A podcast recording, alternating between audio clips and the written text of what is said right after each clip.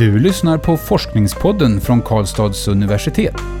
Här möter du forskare som tar dig med på en upptäcktsresa i vetenskapen. Den här podcasten görs av universitetsbiblioteket.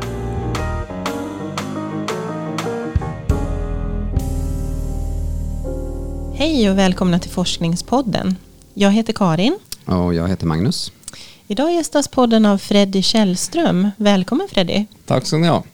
Du är doktor i statsvetenskap och din avhandling heter De motsträviga kommunerna. En studie av mellankommunal samverkan på regional nivå. Berätta om din avhandling. Vad handlar den om? Ja, den handlar egentligen om att få en fördjupad förståelse om varför kommuner inte samverkar med varandra mer än vad de faktiskt gör. Trots att väldigt mycket talar för att det finns eh, samordningsvinster och en tillgång till ökad eh, kompetens genom samverkan. Hur eh, kom du på idén att skriva om just det här ämnet? Ja, det här var ju någonting som eh, väckte mitt intresse i början på 2000-talet när eh, eh, frågan om regionala samverkansorgan blev aktualiserade i den offentliga debatten. Eh, och det kan man förstå egentligen mot bakgrund av att Sverige gick med i EU 1995 och eh, eh, hela det politiska systemet skapade incitament för en regional organisering. Och där eh, man då lyfte fram fördelarna med att, att samverka på regional nivå genom att man flyttade över ansvaret för den regionala utvecklingspolitiken till Eh, Eh, regionalpolitiker som istället då fick fatta beslut om länsanslagen, det vill säga ett större eh, lokal och regionalpolitiskt inflytande över vilka större investeringar som skulle göras inom de olika länen. Och då fanns det en möjlighet att, att bilda regionala samverkansorgan, vilket de allra flesta eh, län gjorde i Sverige. Men sen fanns det ju några då som inte gjorde det. Och då eh, blev mitt intresse att undersöka hur kom det sig då trots att väldigt mycket talade för det. Både statsmakterna var ivriga påhejare, liksom dåvarande SKL, alltså Sveriges kommuner och landstingsförbund. För I avhandlingen kan man läsa om flera faktorer som eh, påverkade den här motsträvigheten just.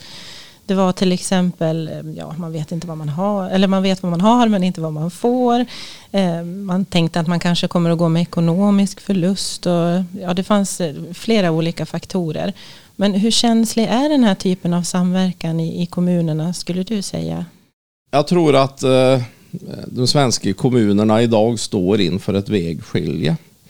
Antingen så utvecklar man mellankommunal samverkan eh, i högre grad än vad man gör idag. Eller så kommer vi sannolikt inom några år att stå inför en kommunblocksreform som man har gjort i både Danmark och Norge eh, där man slår ihop eh, kommunerna. Och det handlar ju om att det kommunala uppdraget har utökats eh, över tid. Och det gör ju att det finns ett, ett golv hur liten en kommun de facto kan vara för att klara av sin uppdrag.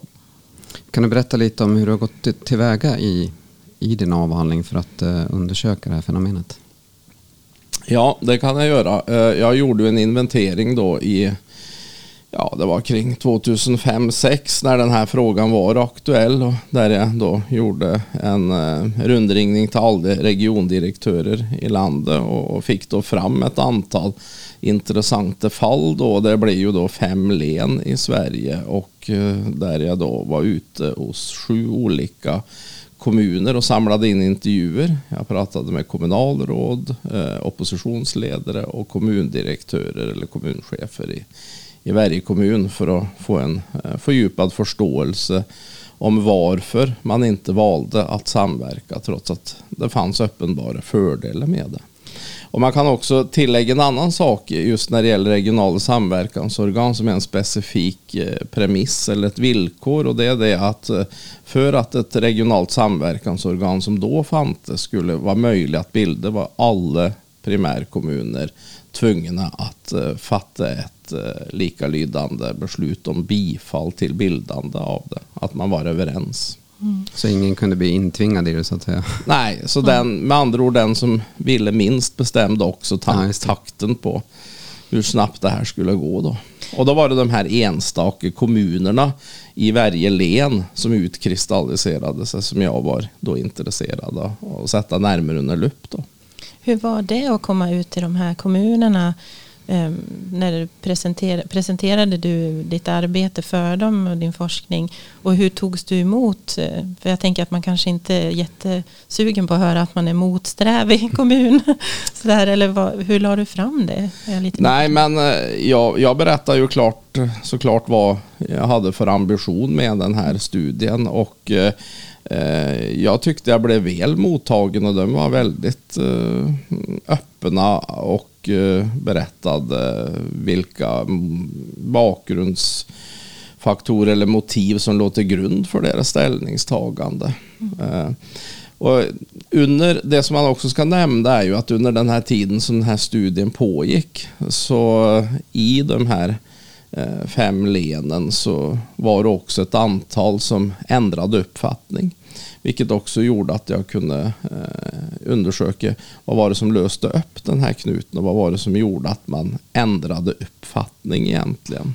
Det är ju intressant. För eh, det kan ju, det kan ju som också du skriver lite grann om i, eller som jag har läst lite grann om i avhandlingen, just det här med identitet och tillit. För det tänker jag också har en ganska stor betydelse, det här med tillit i sammanhanget. Ehm, att man vill kunna lita på den man liksom ger sig i lag med, ehm, även om man är en kommun. Så hur tycker du med tillit i det här sammanhanget? Var det en stor eh, betydelse med tillit, skulle du säga? Ja, jag tror att eh, man skapar grogrund för ett förtroendekapital och tillit mellan samverkande aktörer är en förutsättning för att det ska kunna lyckas. Eh, och det är ju, det är ju väldigt viktig eh, faktor eh, i, i sammanhanget. Fanns det andra faktorer? Ja. Andra resultat som du vill Mm. lyfta fram? Jag skulle vilja säga så här att jag, i min studie utgår jag från två teoretiska perspektiv. Det ena är ju ett rationellt grundat perspektiv med Eh, förväntan om egen nyttomaximering, att kommunerna tjänar på att gå in i samverkan, att man ser vinster och mernytta och mervärde med det här. Och det har ju tidigare varit undersökt så det, det är inte så eh, uppseendeväckande. Men det som jag adderar till eh, forskningen och som blir ett bidrag till den internationella forskningen och att det också lägger på kulturfaktorer. Eh, och jag undersöker också normerande faktorer. Om det har haft betydelse. Det kan jag påvisa att det har haft då till exempel det här med identiteten. Visade sig ha en, en, en, oväntad effekt. eh, Och en större påverkansgrad än, än vad jag hade förväntat mig. Kan du ge exempel på vad, vad menar du med identitet i det här sammanhanget? Ja, i den här eh, sammanhanget så kan vi prata om regional identitet. Eh, där jag i åtminstone några fall kunde se att landskapsidentiteten överskred värdet av länstillhörighet. Eh, och går vi, till, vi kan ta ett fall som är intressant. Det är Gävleborgs län som består av ett antal kommuner i norr som tillhör Hälsingland, landskapet då. Och eh, resterande kommuner som tillhör Gästrikeland. Och eh, i Gävleborgs län så kunde man ju se tydligt hur det gick en tydlig demarkationslinje mellan landskapen institutionellt sett. Till exempel hade man bildat varsin inköpsorganisation. Man hade Gästrikerådet som samlade kommunerna i Gästrikland och man hade eh, Hälsingerådet som samlade kommunerna i, i Hälsingland. Där man gjorde avrop då, eh, på regional nivå för till exempel hygienartiklar. Här pratar vi om stora volymmässiga eh, avrop på, på artiklar till exempel. Och på samma sätt hade man också eh, skapat ett, eh, en turistorganisation som också låg in under, un- under respektive eh, råd. Då. Så det klöv, där landskapstenten klöv igenom eh, Lene i tu helt enkelt. Och hur gick det för Gävleborg då? Hittade de eh, något sätt att lösa de här knutarna eller skiljelinjerna emellan? Ja, de, de, eh, eh, Eh, bildade ju så småningom ett regionalt samverkansorgan. Det gjorde de. Eh, därför att i, i Gävleborgs län så var det väldigt tydligt att de här norra kommunerna, som Nordanstig då, som ena kommunen jag, jag besökte, var väldigt missnöjda med att länsstyrelsen då eh, skisserade upp och lämnade remissvar på hur den regionala utvecklingspolitiken skulle bedrivas framgent eh, utan att då förankra detta med kommunerna. Och då sa de att nu får det vara nog. Nu ska vi ha ett regionalt samverkansorgan där lokal och region, regionpolitiker får ett utökat inflytande och en röst gentemot statsmakten. Då. Eh, det med identiteten kan man också se i Jämtlands län till exempel. Där eh, jag var i Härjedalens kommun. Och Härjedalens kommun är ju inte bara en, en kommun utan det är också ett eget landskap. Mm och, och, till ytan Sveriges femte största kommun. Och där kan man också se motsättningen mellan härjedalingar och jämtlänningar. Om man säger det här nu, de som är kvar som inte har löst de här eh, samarbetssvårigheterna. Vad, vad, är liksom, vad kommer att hända med dem? För du sa att de står vid ett vägskäl. Har du någon har du tänkt någonting på vad som kan vara en annan väg att gå istället för att börja samarbeta som till exempel Gävleborg? Ja, nu ska man ju tillägga att den här reformen då med, med regionala samverkansorganen gravlades ju när vi fick regioner 2019. Eh, så att, så att själva eh, problemställningen eh, i det fallet kanske inte är, är lika aktuellt. Men samverkansproblematiken mm. finns ju kvar.